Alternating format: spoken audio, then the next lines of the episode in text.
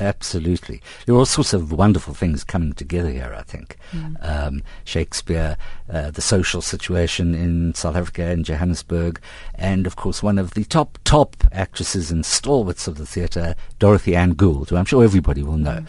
She has taken uh, a few years ago, she took a group of homeless people and started teaching them Shakespeare and how to express themselves and to give themselves some sort of dignity and direction.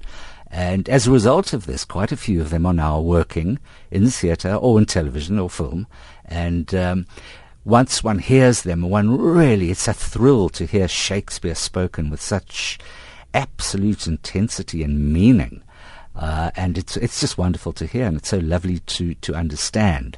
And of course, the main emphasis on this program is Shakespeare's play, which is set in a forest, of course. Um, and it's a it's a wonderful piece of theatre. And under the oaks, in the garden, in summertime, as the sun sets, uh, I can't think of anything nicer. Ongelooflik. Dis net twee keer te sien, so luisteraars ja. moet seker maak. Ja. Wat is die datums en tye? Uh the first one is the uh, 24th January uh, at um, 5 p.m. in the evening and the second one is the uh, 25th of January at midday, which is a Sunday.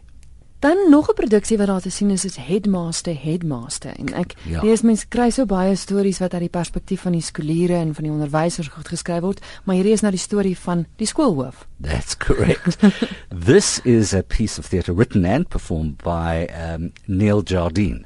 Now, Neil Jardine uh, was the headmaster of that well known private school down in the Natal Midlands called Michaelhouse. Mm-hmm. Now, that might ring a bell with people who've read various novels and seen a few movies starring John Cleese, uh, where there's a schoolboy telling this story.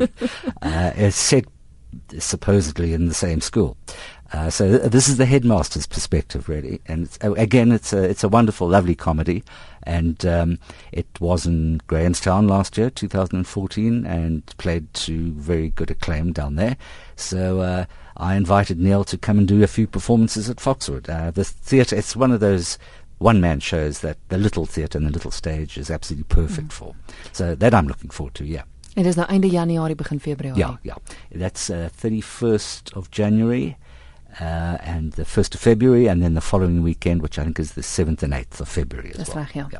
Nog ander produksies waarna luisteraars kan uitsien. Wat nou nie nabye well, is. I'm bringing back last year, which I call the smash hit of the year, was a wonderful music show starring three of the real legends of South African music theatre, and that is Annabel Linda, Michael de Pinna, and Keith Smith. Hmm.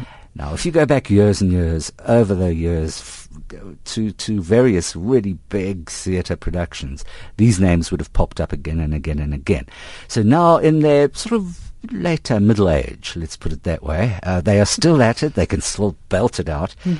So it's a, it's a show called Two's uh, Company, Three's a Show, um, and it's based on the American Songbook and music from the American theatre, musical theatre. It's it's lovely stuff. It's jazz, it's swing, it's popular music, uh, and it's it was so so successful last year that I'm bringing it back for a new run, and we're starting off with a lovely special day and dinner on Valentine's Day with the show, which is the 14th of February, and then that's going to run for the next four weekends.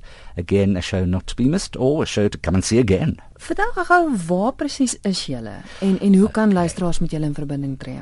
Okay, let me let me give you a contact number to begin with, and that is uh, 011 486 0935, and then you simply have to ask for the theatre, or if you want to email, it's admin, A D M I N at foxwood.co.za.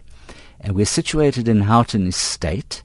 Um, it's very easy to find. We're near the M1 motorway and near Killarney Shopping Mall. Mm-hmm. Uh, we're at number 13, 5th Street in Houghton Estate. One has to be careful because there is also a 5th Street in Killarney around the corner, and there's also 5th Avenue in Houghton Estate. so 5th Street, Houghton Estate. That's where we are.